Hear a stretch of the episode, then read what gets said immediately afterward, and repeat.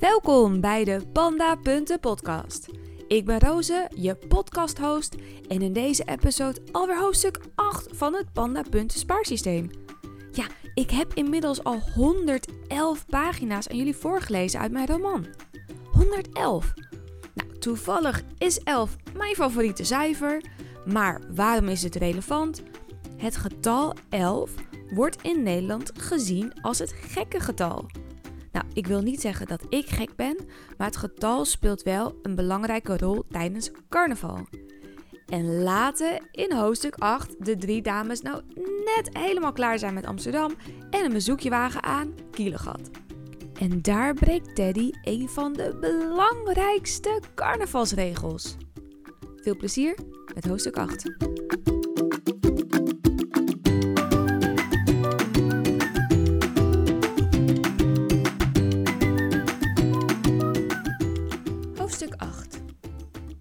Is weer maandagochtend en Suzanne zit al op hun roddelbankje in het stille hoekje van kantoor te wachten op Teddy en Maartje. Die beiden nog niet op kantoor zijn. Na vijf minuten komen ze, eindelijk, tegelijk binnengestormd. Jongens, hoezo zijn jullie zo laat? Teddy trekt haar jas uit, ploft naast Suzanne neer en knipoogt. Ik moest vanochtend eerst even langs huis voor een uh, verse outfit. Oeh, nou daarover horen we zo graag meer. Maar hoezo ben jij zo laat, Maartje? Ik uh, had problemen met de wekker. Dit argument zouden haar vriendinnen normaal prima geloven, waren het niet dat Maartje het zegt met een kop als een boei. De wekker? Maartje, weet je het zeker? Probeert Teddy de ware reden te achterhalen. Of ben je te laat vanwege een ochtendsessie? Doet Suzanne een wilde gok. Ik, uh... Maartje staat nog steeds haar jas uit te trekken en begint zo mogelijk nog harder te blozen. Ja, Thomas en ik hadden het al een tijdje niet meer 's ochtends gedaan. Dus we hadden de wekker een half uurtje eerder gezet. Maar ja, dan is het zo vroeg en zo'n extra half uurtje slaap is ook zo fijn. Dus toen, ja, zijn we toch nog maar een keer omgedraaid. En ben ik vergeten de wekker opnieuw te zetten. Dus ja, daarom ben ik te laat.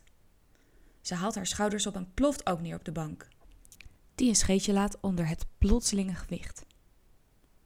Een ochtenderectie is de beste wekker die er bestaat, zegt Suus. Beloof me dat je daar volgende keer alsjeblieft gebruik van maakt, oké, Maartje? Ja, ik beloof het, want, oh, dames. Mijn leven is af en toe zo saai. Ik ben dit weekend even naar de IKEA geweest om een nieuwe keuken uit te zoeken. En met even bedoel ik dat we een dikke vier uur in de IKEA zijn geweest. En dat was de highlight van mijn weekend. Dus geef me alsjeblieft wat smeuïge verhalen. Een beetje saai. Suzanne kijkt Teddy aan om te bepalen wie eerst gaat. Teddy ziet aan Susie's gezicht dat ze een mooi verhaal heeft. Ga jij maar eerst. Oké, okay, um, waar moet ik beginnen? Uh, laatst op een feestje ben ik een man tegengekomen waar ik best wel lekker mee vibete. Af en toe berichtjes sturen werd marathon-appen. En jullie weten dat ik dan een beetje onrustig word. Ik ben niet van de ende lange digitale conversaties. Te veel digitaal gelul betekent te weinig echte lul. Afspreken in die echte wereld bleek echter een uitdaging. Hij was elke keer druk, druk, druk. Eh, zus, laat eens een foto zien, onderbreekt Teddy haar. Ja, zo, wacht even. Dus, elke keer druk met werk. En afgelopen vrijdag waren we wat schunnige metaforen naar elkaar aan het sturen. Het ging onder andere over koekjes bakken en of ik goed overweg kom met een deegroller. Weet je, dat soort opmerkingen. Ik was in de kroeg met mijn zus toen hij rond een uur of elf appte dat hij thuis was en wel koekjes wilde bakken. Trouwens, het is een Australiër in het kader van nationaliteiten sparen. Neemt een slokje van haar koffie en vervolgt. En ik kon niet echt goed inschatten of hij nou een grapje maakte of serieus was. Zijn adres had hij al een keer eerder gestuurd, dus ik ben maar gewoon op de fiets gestapt. Vers gebakken koekjes sla ik natuurlijk nooit af. Ik bel aan. Hij doet open. In alleen maar strakke witte Kelvins. Haha, niet. Jawel. Maar Suus, wat heb je toen gedaan? Nou, ik kon meteen al zien dat het een Nintendo DS was en had op zich wel zin in een avondje gamen. We hebben eerst aan zoenen even in de deuropening, daarna in de keuken Oh, koekjes gebakken? Nee, ondanks de prachtige deegroller misten wij helaas wel wat ingrediënten. En dit is het rare. Na wat onderbroeken lol in de keuken komen we uiteindelijk terecht op de bank in de woonkamer. We zitten een beetje te tongen. Hij in zijn onderbroekje. Ik met eigenlijk nog veel te veel kleding aan. En over zijn schouder heen probeer ik stiekem het appartement te bestuderen. Wat me eigenlijk wel heel bekend voorkwam. Nou, dom van me, maar ik vloep eruit. Hé, hey, volgens mij ben ik hier al een keer eerder geweest. Woon je hier alleen? Oh shit, nee, Suus. Had je Australië al een keer bezocht? Ja en nee. Hij woont daar met zijn broer. En daar heb ik ook wel eens recepten mee uitgewisseld. En dat was ik voor het gemak even vergeten. Ja, wel jammer. Leuke gast. Zijn broer trouwens ook. Dus we kunnen Australië niet afstrepen? Vraagt Maartje. Voor deze spaaractie nog niet, nee. Goed, Teddy. Uh, nu jouw weekend. Nee, nee. Suus, eerst even een foto laten zien. Suus pakt haar telefoon van tafel, scrolt door Instagram en geeft haar mobiel aan Teddy.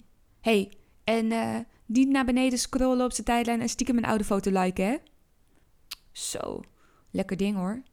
Zijn broer ook. Jammer dat we geen down-onder grappen nu kunnen maken. Nou, anders ik wel, antwoordt Teddy terwijl ze haar telefoon weer terugpakt.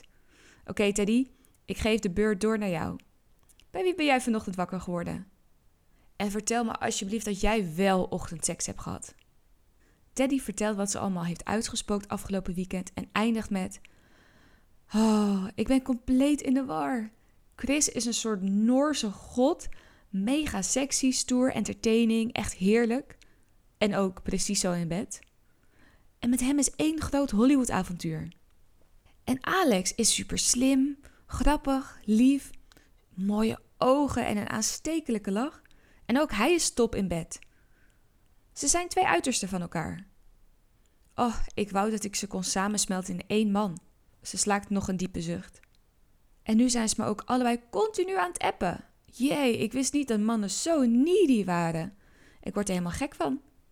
Ik wou dat ik even kon ontsnappen naar een alternatief universum waar ze beide niet zijn, zodat ik rustig kan nadenken over wat ik precies wil. Nou, ik weet wel waar we dat alternatieve universum kunnen vinden hoor, antwoordt Maartje met pretoogjes. Maar ik kan je niet beloven dat je daar rustig kan nadenken. Een paar dagen later zijn ze en route naar Maartjes ouders in Breda. Kunnen we deze ellendige muziek alsjeblieft afzetten? De carnavalsmuziek knalt al een uur uit de speakers van Maartjes vlaaggele Opel Corsa. Tetje, je snapt wel dat je de komende 48 uur deze juweeltjes non-stop gaat horen, hè? Maartje geeft extra gas en draait het volume nog iets harder. hey, uh, wat trekken jullie eigenlijk aan? vraagt Suzanne vanaf de achterbank. Maartje draait het volume weer iets terug, zodat ze elkaar kunnen verstaan. Mijn ouders hebben een soort inloopkast met verkleedkleding. Denk aan de magische deur van Henny Huismans mini playback show. Ik duik erin als Maartje en kom eruit als. Ja, altijd weer een compleet ander persoon. Wie? Dat zie ik dan wel. Nou, zolang we het maar bij uh, playback houden, hè? jouw kattengejank wens ik mijn ergste vijand nog niet toe. En Suzie, uh, wat trek jij aan? Ik ga als keukenprinses. Keukenprinses, je leeft op een take-out dieet. Precies. Tijdens carnaval kan je toch een sprookjesfiguur zijn? En wat voor geniale outfit heb jij dan, Teddy? Oh, iets heel toepasselijks. Dat zien jullie zo wel. Tada! Teddy springt de badkamer uit in haar kostuum. En Maartje en Suzanne schieten tegelijk in de lach. Waar heb je dat nou weer vandaan getoverd? vraagt Suzanne met een nepkroontje op en een kookschort voor, lang uit op het luchtbed liggend waar ze vanavond slaapt. Ja, uh, online natuurlijk, waar anders? Teddy heeft webshops afgestruind om een panda onesie te vinden die binnen 48 uur nog geleverd kon worden. En dit is bamboe. Ze steekt de twee stekjes trots in de lucht. Ook gewoon online gekocht.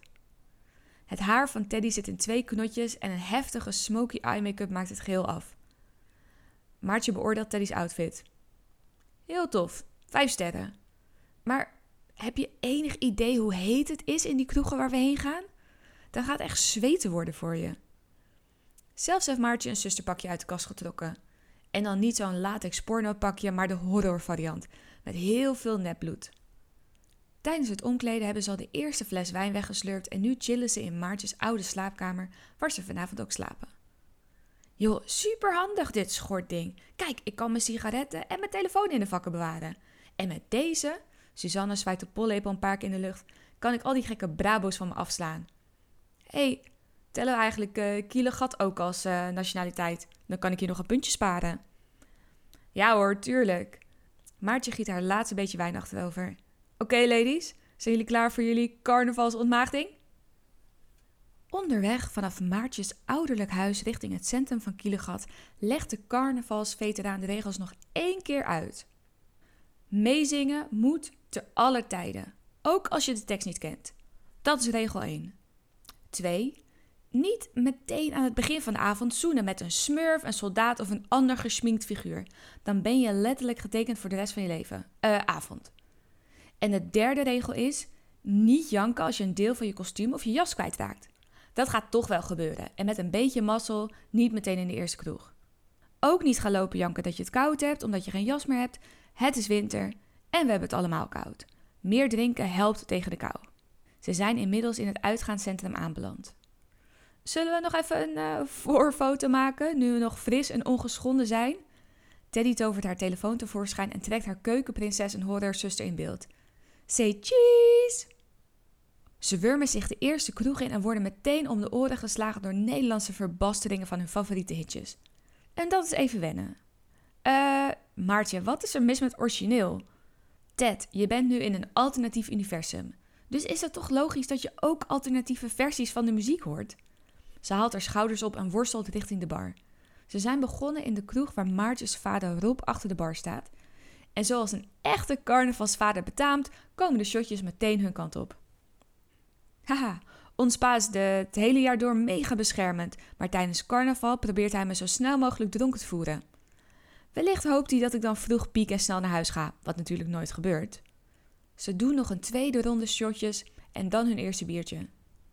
Dit is niet slim, roept Teddy. Wat is niet slim? Wijn na bier geeft plezier, maar bier na wijn geeft venijn. Oh joh, uh, er staat thuis nog wel een fles wijn koud, hè? Dan poetsen we daar toch gewoon onze tanden mee. Het biertje gaat er ook soepel in en Susanne en Teddy zingen inmiddels beide uit volle borst, fonetisch, mee met de carnavalskrakers. Oh ja, uh, nog een regel, zegt Maartje. Drie drankjes en dan door naar de volgende kroeg. Ze zijn de volgende kroeg nog niet binnen of Susanne staat al met een banaan te tongen. Als ze na tien minuten tongworstelen terugkomt bij haar vriendinnen, zijn Maartje en Teddy nog steeds met stomheid geslagen en hebben ze uiteraard bier gehaald. Ken je hem? Nee. Had je honger of zo? Ah, best trek, ja. Maar hoe, wat, hè? Ah, hij zei hoi, ik, mag ik een hapje?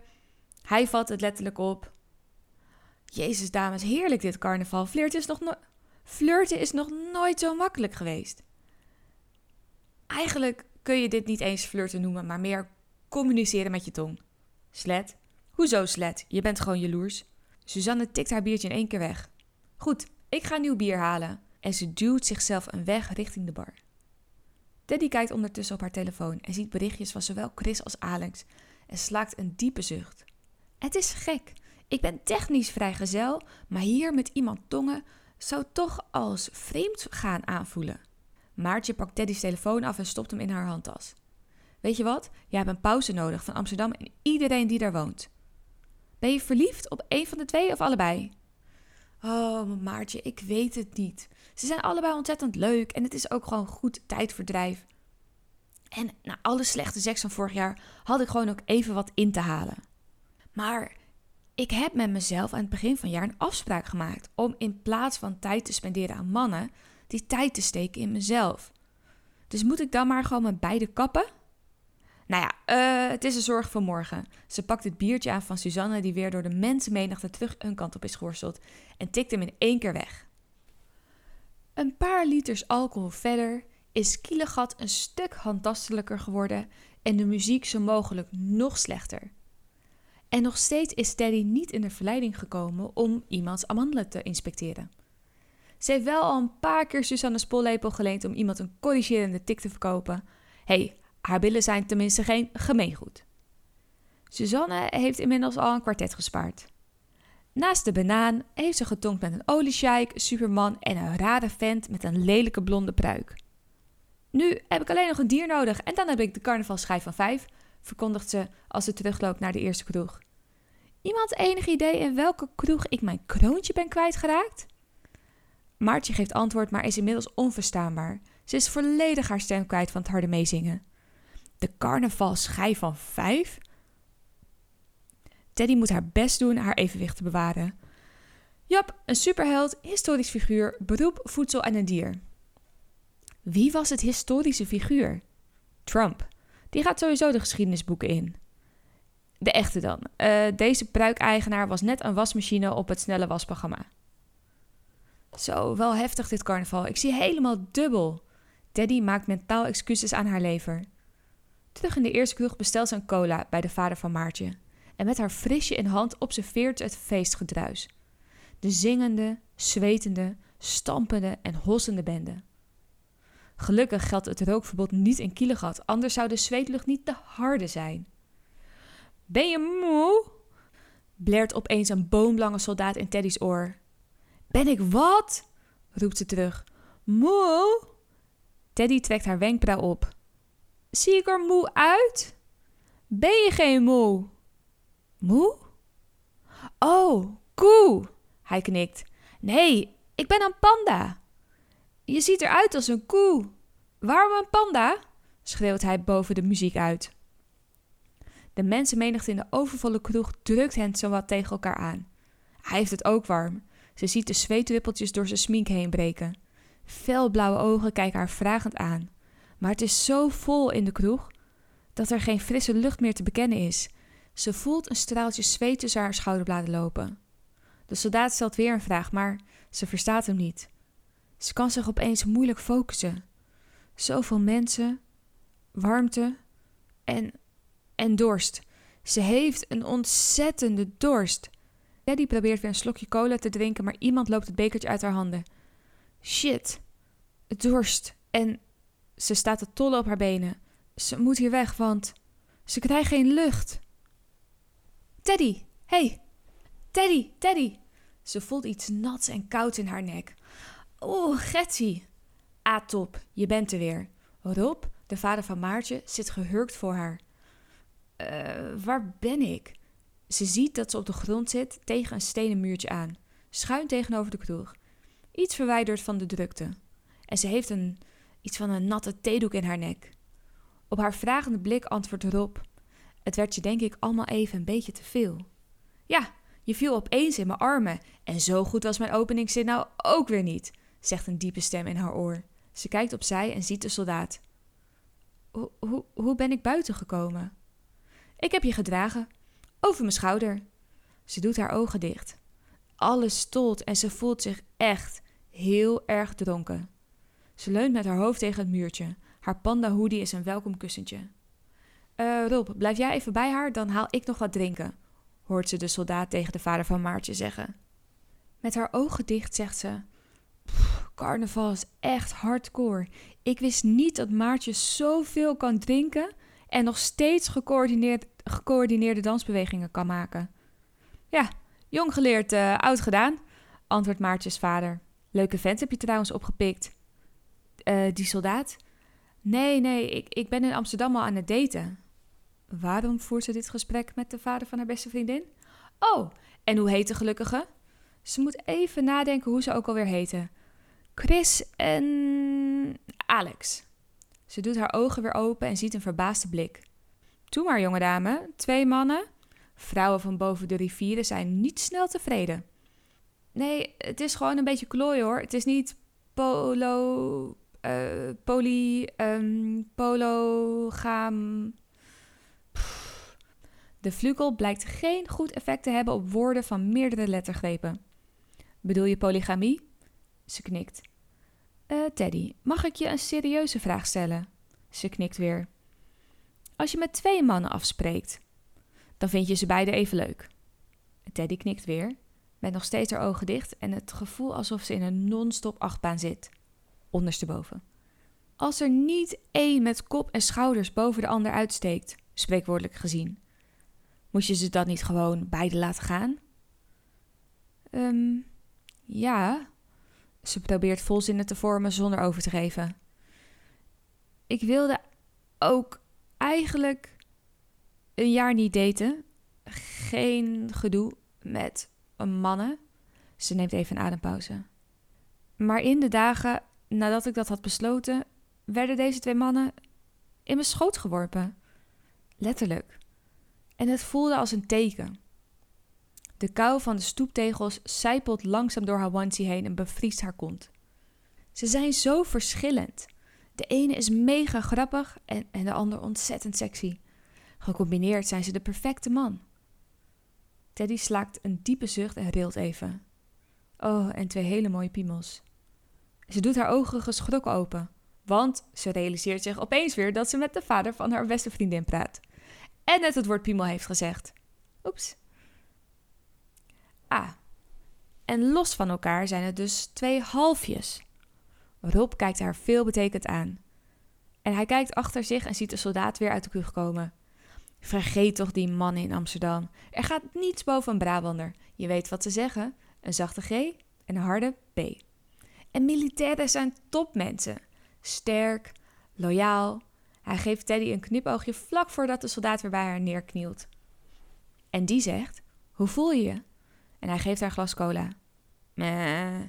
Weet je zeker dat je een panda bent en geen koe? Hij gaat naast haar zitten en ze geeft hem een dankbare glimlach. De vader van Maartje staat weer op. Geeft haar een knipoog en zegt: Ik zie dat je in goede handen bent. Uh, als je me nodig hebt, dan weet je me te vinden. Dankzij de cola en de koele buitenlucht gaat Teddy langzaam weer iets scherper zien. En zich iets scherper voelen. Oké, okay, pandatje van me, heb je honger? Hij bungelt een Twix voor haar neus. Ze worstelt even met de verpakking en geeft vervolgens de ene helft terug aan de gesminkte krijgsman naast haar. In stilte en in drie happen is het chocoladekoekje weg. Ze zucht. Dit had ik echt even nodig. Thanks. Oh, je hebt zeker wel door dat ik een uh, carnavalsbeginneling ben. Yep. Heb je nog steeds honger? Ja, en mijn kont bevriest. De soldaat staat op en reikt zijn hand uit. Kom, ik weet een pizzeria die open is. Dan laten we even wat deeg de rest van je alcohol opzuigen. En kun jij even je billetjes warmen aan de oven. Ze laat zich overeind trekken en laat een klein colaboertje. Sorry, charmante dame ben je. Nog steeds een beetje duizelig houdt ze hem vast terwijl ze zich laat meevoeren. Zonder telefoon, lam in een vreemde stad en met een vreemde man meegaan. Wat een top idee is dit. Wie weet heeft hij wel iets in haar drinken gedaan en staat ze morgen als vermist in de krant. Toch voelt ze zich op een of andere manier volkomen veilig. Maar logisch, dat is wat soldaten doen: uh, de veiligheid bevorderen. Ze lacht hardop om de absurde situatie. Wat? Uh, ga je me verkrachten of vermoorden? Nou, ik had er nog niet aan gedacht, maar nu je het voorstelt. Hij begint hardop te lachen en ze geeft hem een stomp op zijn arm. Haar dieren onesie was in de kroeg niet te harde zo warm, maar buiten, waar het zo'n 5 graden is, biedt het nul bescherming. Alsof haar redder in nood het door heeft, trekt hij zijn jas uit en drapeert die om haar schouders. Oeh, maar nu zit wel je. Maar nu zit wel mijn DNA. Oeh, maar nu zit wel mijn DNA aan je jas. Ah, shit. En de stomerij is morgen dicht. Ach, eigenlijk ben ik ook meer van het liquid dinner dan het liquideren. Over avondeten gesproken, daar is het. Hij wijst naar een neonverlicht gebouwtje. Doordat ze even is afgeleid, glijdt ze onderuit en landt ze met haar kont hard op een bevroren stenen trapje. Tyfus! Tranen springen in haar ogen. Oei, gaat ie? Hij plukt Teddy van de straat alsof ze niets weegt en houdt haar vast. Niets aan de hand. Dat wordt gewoon een hele mooie blauwplek. Hij veegt een traan van Teddy's wang en met een pruillipje kijkt ze hem aan. Lekker charmant ben ik, hè? Flauw vallen, boeren, struikelen. Nu hoef ik alleen nog maar even over je heen te kotsen en we zijn compleet. Nou, panda, doe dat maar even niet. Al hou ik met liefde je haar vast als je wel even iets kwijt moet. Maar waarschuw me even van tevoren, oké? En overgeven gaat ook altijd beter als er iets substantieels in je maag zit. Dus pizza. Let's go!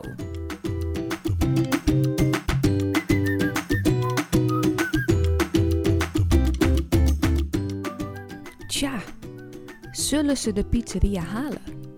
Is een soldaat daadkrachtiger dan een panda? En hebben Suzanne en Maartje eigenlijk door dat Teddy er tussenuit gepiept is? Op dat laatste zal ik alvast antwoord geven. Ja, ze weten dat ze voetie is. Maar Maartje heeft haar telefoon, dus ze kunnen haar niet bereiken.